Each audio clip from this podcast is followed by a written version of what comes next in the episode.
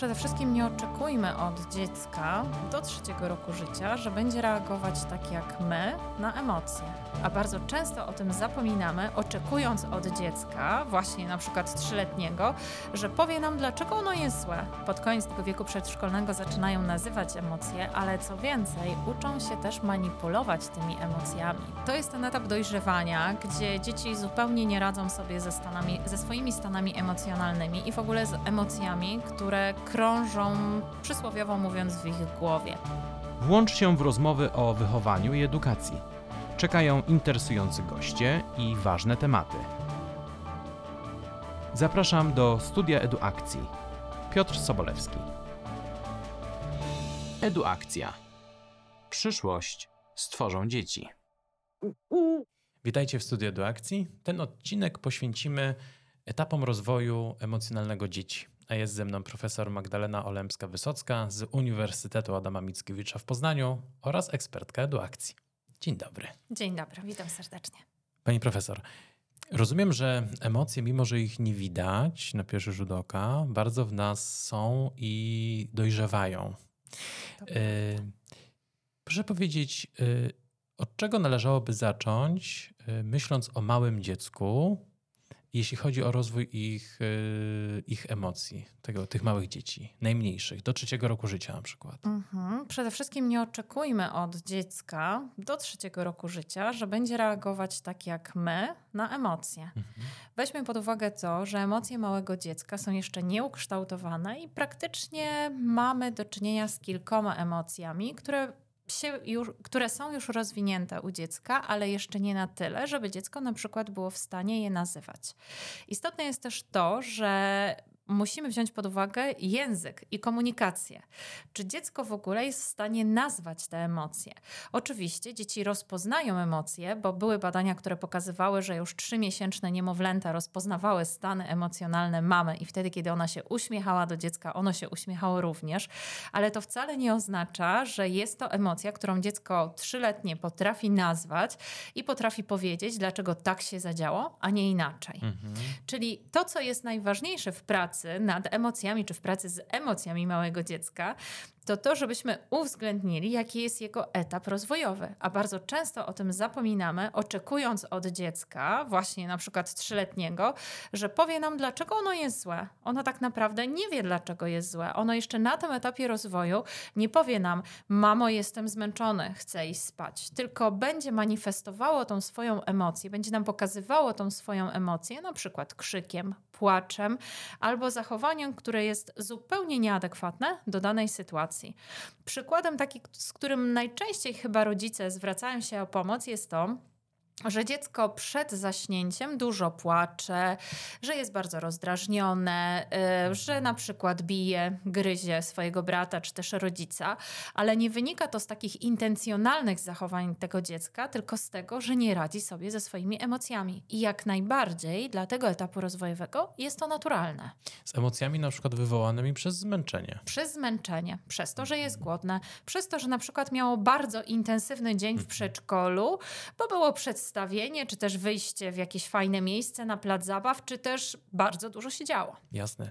Jakie są najważniejsze zachowania rodziców y, wobec dzieci do trzeciego roku życia, żeby te emocje u dziecka rozwijały się prawidłowo? E, ważne jest nazywanie emocji, ważne jest pokazywanie, że każda emocja jest dobra i trzeba ją przeżywać, ale przede wszystkim, jeśli chcemy kształtować u dziecka regulację emocji, to warto te emocje nazywać. Mimo, że to dziecko jeszcze nie jest w stanie tego pojąć? Oczywiście, że tak. No bo tak samo jest jak z rozwojem języka, czy też poszczególnych innych umiejętności, że jeśli nie będziemy nazywać tej emocji, no to jak dziecko ma wiedzieć, że to jest ta właśnie emocja, którą ono przeżywa, tak? My musimy nazwać tą emocję, to uczucie, czy to jest radość, czy to jest złość, czy to jest gniew, czy to jest na przykład strach. Inaczej dziecko nie będzie wiedziało, że tak ta emocja się nazywa. Mhm. Y, Żeby to zobrazować, rozumiem, że można by było to zrobić w taki sposób. Proszę mnie poprawić, jeśli się mylę. Mamy trzylatka, który biegnie i się przewraca. To jest nasz Mhm. prywatny trzylatek. Mhm. Podchodzimy do niego, tam oczywiście się odbywa dramat, no bo boli, bo jest Mhm. jakiś smutek. To rozumiem, że my przychodzimy do tego dziecka i pozwalamy mu nauczyć się nazywać te emocje, które teraz przeżywa. jak rozumiem, można by było to zrobić w taki sposób. To co, Antek, boli cię? Jest ci smutno? Rozumiem, że jest ci smutno, boli cię ta noga, chyba się bardzo uderzyłeś. Mhm. Tak? W ten sposób też trochę wykazując, nie ukrywam empatii, bo dziecko tego w tym momencie potrzebuje. I empatii, i zrozumienia, i takiej rodzi, mm, takiego bliskiego miłości. tak, takiego mhm. bliskiego rodzicielstwa, nawet bym powiedziała. E, nie bójmy się przytulać własnych dzieci i przede wszystkim e, nie bójmy się im okazywać właśnie tego współczucia po części, tak? Bo nieraz słychać na podwórku, jak y, matka do dziecka mówi, że znowu się przewróciłeś, albo nie płacz, bo to wcale tak nie boli, mhm. prawda? To jakby w, w, drugą stronę działanie. Tak, zdecydowanie w drugą stronę, bo y, dzieci odbierają to w zupełnie zupełnie inny sposób. Tak? Nam się wydaje, że no podkreślamy, że znowu się przewróciłeś, ale dziecko to odbiera, że jestem niedorajdą. Nie dałem sobie rady. Nie mhm. przeszedłem tym razem, zawiodłem mamę. Znowu podarłem spodnie. Tak? Znowu mama straci czas i nie dojdzie gdzieś przeze mnie. Nie będziemy gdzieś na czas przeze mnie, bo ja nie dałem rady. Co robić, gdy dziecko nie komunikuje swoich potrzeb? Wydaje się być nieobecne i nie podejmuje interakcji z innymi. Jak reagować na niespodziewane wybuchy złości? Jak postępować z dzieckiem, które nie radzi sobie ze swoimi emocjami? Rzuca zabawkami, jest agresywne wobec nauczyciela i innych dzieci. Jak pracować z dzieckiem wykazującym obniżony poziom rozwoju intelektualnego? Co robić, kiedy dziecko nie rozumie poleceń? Jak wspierać dziecko z trudnościami w nauce? Poznaj odpowiedzi w najnowszym programie szkoleń online. Dowiedz się, jak wspierać dzieci ze specjalnymi potrzebami edukacyjnymi w przedszkolu. Specjalne potrzeby edukacyjne tylko na platformie szkoleń online EduAkcja dla nauczycieli wychowania przedszkolnego. Zgłoś swoją placówkę już dziś www.edu-akcja.pl ukośnik SPE. Przejdźmy do wieku przedszkolnego, bo tam chyba się y, dużo dzieje. Zdecydowanie więcej się dzieje. Przede wszystkim dzieci zaczynają uczyć się i pod koniec tego wieku przedszkolnego zaczynają nazywać emocje, ale co więcej, uczą się też manipulować tymi emocjami, mhm. tak? Czyli wtedy, jeśli widzę, że mój smutek na mamę działa, to ja zaczynam być więcej smutna, bo wtedy uwaga mamy, czy też na przykład pani w przedszkolu zostaje na mnie przekierowana. Czyli dzieci widzą, że emocje, czy też zachowania, bo to też bezpośrednio tego dotyczy, dotyczą, wywołują określone reakcje dorosłych. Mhm. Więc też uczą się pewnego rodzaju manipulacji, bo często mówimy, że e, dzieci manipulują nami, tak? Ale dzieci tak naprawdę uczą się pewnych zachowań na podstawie tego, co my robimy, na podstawie, na, na, na podstawie obserwacji naszych zachowań. Mhm. To, co jest też ważne, że na tym etapie rodzą się dziecięce przyjaźnie, ale te dziecięce przyjaźnie też nie są jakieś bardzo trwałe. To są takie, bym powiedziała, płytkie na razie przyjaźnie, które kształtują u dzieci też rozwój um, związany z funkcjonowaniem w grupie społecznej. Tak? Czyli dzisiaj Zosia może być moją koleżanką, ale jutro będzie Marysia. Pomimo tego, że się z Zosią pokłóciłam, to za dwie minuty już będziemy najlepszymi przyjaciółkami. Tak? Więc tutaj mhm. też taka uwaga, że czasami nie warto wchodzić w te relacje pomiędzy dziećmi, jeśli oczywiście widzimy, że nie robią sobie krzywdy, bo to, że sobie wygrażają, że już nigdy się do siebie nie odezwą, to na tym etapie rozwoju proszę mi uwierzyć, że nigdy, to maksymalnie jest 50 minut. Jasne. Y, czy przedszkolak, y, stosując tą manipulację, o której pani wspomniała, od tego się trochę uczepimy, co może wywoływać to, że on takie metody będzie stosował na nas? No, jeśli go nauczymy, że jego hmm. dane zachowanie, czy też właśnie pokazanie konkretnej emocji zadziała i wywoła określone zachowanie u nas, to jest bardzo prawdopodobne, że to się będzie powtarzało. No, mamy takie pozytywne i negatywne aspekty, no bo mhm. pozytywne mogą być takie, że dziecko przychodzi i chce się przytulić i to jest mhm. ok. Natomiast te mniej pożądane, jak rzucanie się w, między sklepowymi półkami, na mhm. podłogę i oczekiwanie, że no zabawka no właśnie, zawsze będzie tak, kupiona? Tak, no właśnie, to jest takie najczęstsze, że dla świętego spokoju tą zabawkę kupimy. Tylko, że jeśli kupimy tą zabawkę raz i jeśli kupimy tą zabawkę drugi raz, to jest niesamowicie prawdopodobne, że za trzecim, za czwartym, za dziesiątym i za dwudziestym razem, jak pójdziemy z Karolem do sklepu, to Karol na pewno nam zrobi awanturę. Dlaczego? Dlatego, że Karol dostaje nagrodę za swoje mhm. zachowanie. Pomimo, że z naszej perspektywy to nie jest zachowanie, zachowanie pozytywne, ale z perspektywy Karola jak najbardziej, bo on za każde swoje zachowanie dostaje nagrodę.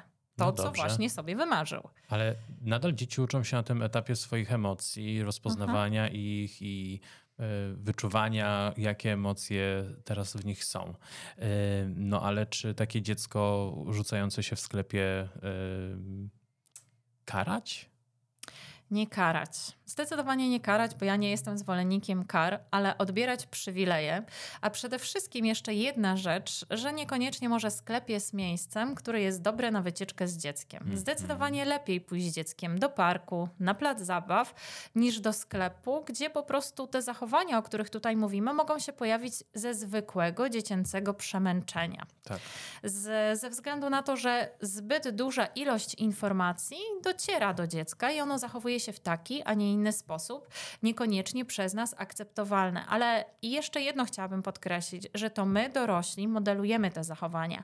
Bo jeśli ja za pierwszym razem, kiedy Karol zrobi awanturę w sklepie, że chce tą zabawkę, jeśli ja mu ją kupię, to ja go nauczę, że tak może się zachowywać. Ale jeśli ja mu wytłumaczę, że Karolu, masz w domu strasznie dużo samochodzików, dzisiaj tego autka nie kupimy. Niedługo będzie Dzień Dziecka, może, tak, dostaniesz takie autko. Jeśli pokażę mu alternatywę, że można inaczej, a przede wszystkim, że nie każde jego negatywne zachowanie wywołuje u mnie konkretną reakcję, w tym przypadku, tak, byłoby to takie wzmocnienie negatywne, bo ja wzmacniam jego negatywne zachowanie. Czyli e, ważne jest to, żeby dać dziecku zrozumienie, poczekać czasami, jak ono płacze na tej podłodze i leży. Proszę się nie bać opinii innych przechodzących osób. Ważne jest tylko, żeby zapewnić dziecku miejsce, które jest bezpieczne, tak? Czyli zwracać uwagę, czy on po prostu nie robi sobie krzywdy, ale dać mu czas na to, żeby on z siebie te emocje negatywne wyrzucił. Mhm. E, czy dziecko na etapie przedszkolnym em, w jaki sposób może radzić sobie z tymi swoimi emocjami? W sensie, no poza takim przykładem, który pani przed chwilą podała, Mhm. e, w jaki sposób y, dziecko najczęściej sobie radzi? Mhm. Znaczy, jeśli nie nauczymy dziecka, to ono bardzo często sobie nie poradzi z tymi złymi emocjami, ale warto jest jednak dziecku dać jakiś taki repertuar, wachlarz tak naprawdę zachowań, które może wykorzystać w sytuacji, kiedy się denerwuje. Na przykład dobrym sposobem jest to, żeby pokazać dziecku, że jak mamy w sobie dużo złości, to możemy ją wytupać. Jeśli mamy dużo złości, możemy ją narysować. Następnie tą kartkę możemy podrzeć, zgnieść, wyrzucić. Dobrym sposobem jest też posiadanie jakiegoś takiego miejsca, nie wiem, czy z kartkami, czy z gazetami, które możemy gnieść, które możemy wyrzucać, które możemy drzeć, czyli tak naprawdę wyrzucać z siebie te emocje. Fajnym sposobem też jest posiadanie różnego rodzaju takich zabawek sensorycznych, które Gniotki właśnie, różne. takie Mhm. gniotki, tak, takie z, też trochę sensoryczne, z różnego rodzaju bolcami, tak, czy też, e, czy też o różnym poziomie twardości. Wtedy dziecko może tak dokonać, tak, takiej kumulacji, nazwijmy to, wyrzucenia z siebie, e, z siebie tych emocji. Ale ważne w tym wszystkim jest to, żeby pokazać dziecku, że złych emocji nie trzymamy w środku, tylko je wyrzucamy, pozbywamy się nich. Mhm. Przejdźmy teraz do już nie dzieci, a prawie Mhm. dorosłych, czyli do nastolatków. Ja, co się dzieje w, z, im, z, z ich emocjami, bo chyba wcale nie mniej niż na poprzednich etapach. Nie, zdecydowanie nie mniej. Co więcej, wydaje mi się, że dzieje się. Nie wydaje mi się. Dzieje się zdecydowanie zbyt dużo, a nawet bardzo dużo, tak? E, to jest ten etap dojrzewania, gdzie dzieci zupełnie nie radzą sobie ze, stanami, ze swoimi stanami emocjonalnymi i w ogóle z emocjami, które krążą, przysłowiowo mówiąc, w ich głowie. E, to jest też ten etap trudny dla rodzica, dlatego że nastolatki mają swoich znajomych, swoje przyjaźnie i w tym momencie grupa rówieśnicza zdecydowanie pełni ważniejszą rolę niż ja jako rodzic.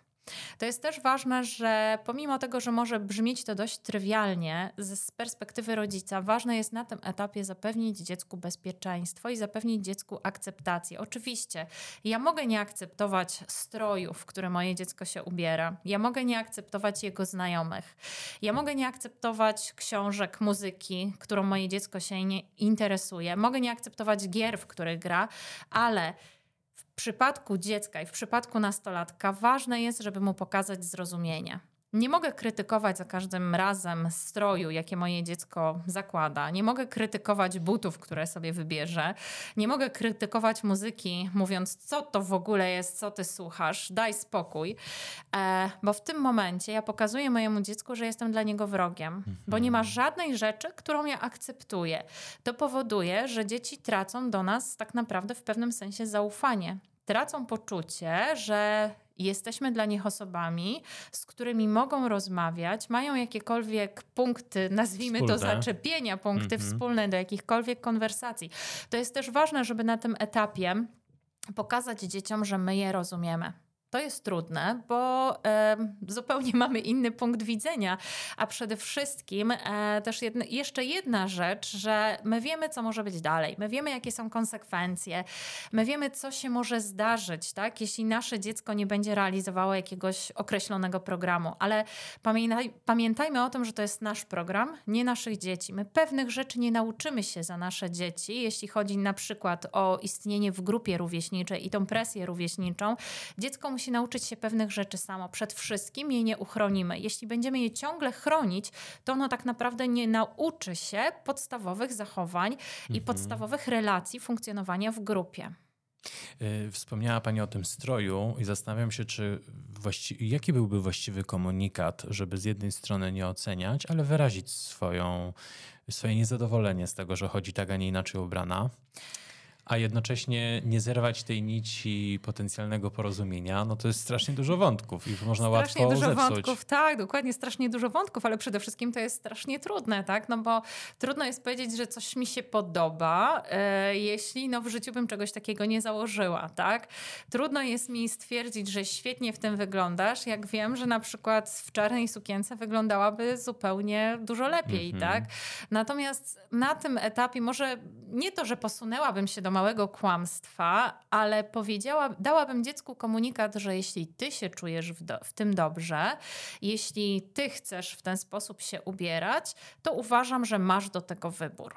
Tak? Może mi się to nie podoba. Pomimo tego, nie, oczywiście no nie dodałabym tego, że mm -hmm. mnie się to nie podoba, bo w tym momencie dziecko dostaje zupełnie sprzeczny, zupełnie sprzeczny komunikat, tak? Mm -hmm. Też nie mogę powiedzieć, że świetnie wyglądasz, ale w czymś wyglądałabyś lepiej, no bo tak. to jest tym samym, tak? E, natomiast warto na tym etapie dać dziecku choć trochę wsparcia i zaakceptować je takim, jakim ono jest. To jest tak samo jak wybieramy, czy też komentujemy um, czy też komentujemy znajomych naszych dzieci, tak? Kiedy mówimy, nie, no ona jest beznadziejna, w ogóle nie powinnaś się z nią zadawać, tak? Dajmy dziecku wybór, nawet jeśli faktycznie ta koleżanka jest, mm, nazwijmy to beznadziejna, tak? I faktycznie uważamy, że nie jest dobra, dla, chociaż to też pytanie, co to znaczy dobra dla naszego Oczywiście. dziecka, tak? E, ale dajmy dziecku ten wybór. Zwłaszcza, że na tym etapie dojrzewania ono bardzo potrzebuje naszej akceptacji, naszego zrozumienia. Wydaje mi się, że to jest taki etap w rozwoju dziecka, który wymaga od rodzica największej akceptacji pomimo wszystko. Mhm. Y, podsumowując, y, co jest najważniejszego dla każdego z tych etapów y, jako na poziomie rozwoju emocji. Co my, w jaki sposób my powinniśmy wspierać nasze dzieci, naszych podopiecznych do trzeciego roku życia, w wieku przedszkolnym i w wieku wczesnej i późnej adolescencji? Ja bym chyba nawet wysunęła się do takiego wniosku, że dla każdego z tych etapów to samo jest ważne. Mm -hmm. I zrozumienie, i tak. akceptacja, i to, żebyśmy spędzali z naszymi dziećmi bardzo dużo czasu.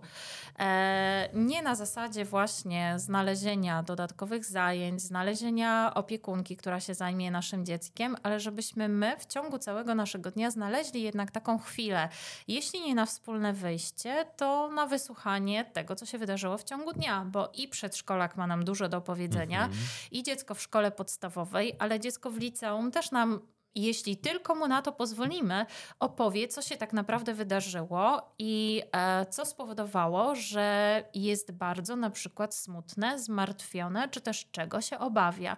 Czasami warto jednak do dziecka wyciągnąć tą rękę i dać mu możliwość przekazania swoich emocji, e, dlatego że ono naprawdę tego potrzebuje. Oczywiście zdaję sobie sprawę, że my jesteśmy tym pierwszym buforem, gdzie to wszystko, co negatywne w nas uderzy, mhm. ale zróbmy to dla naszego dziecka. Jasne. Bardzo dziękuję za y, tą rozmowę. Dziękuję serdecznie.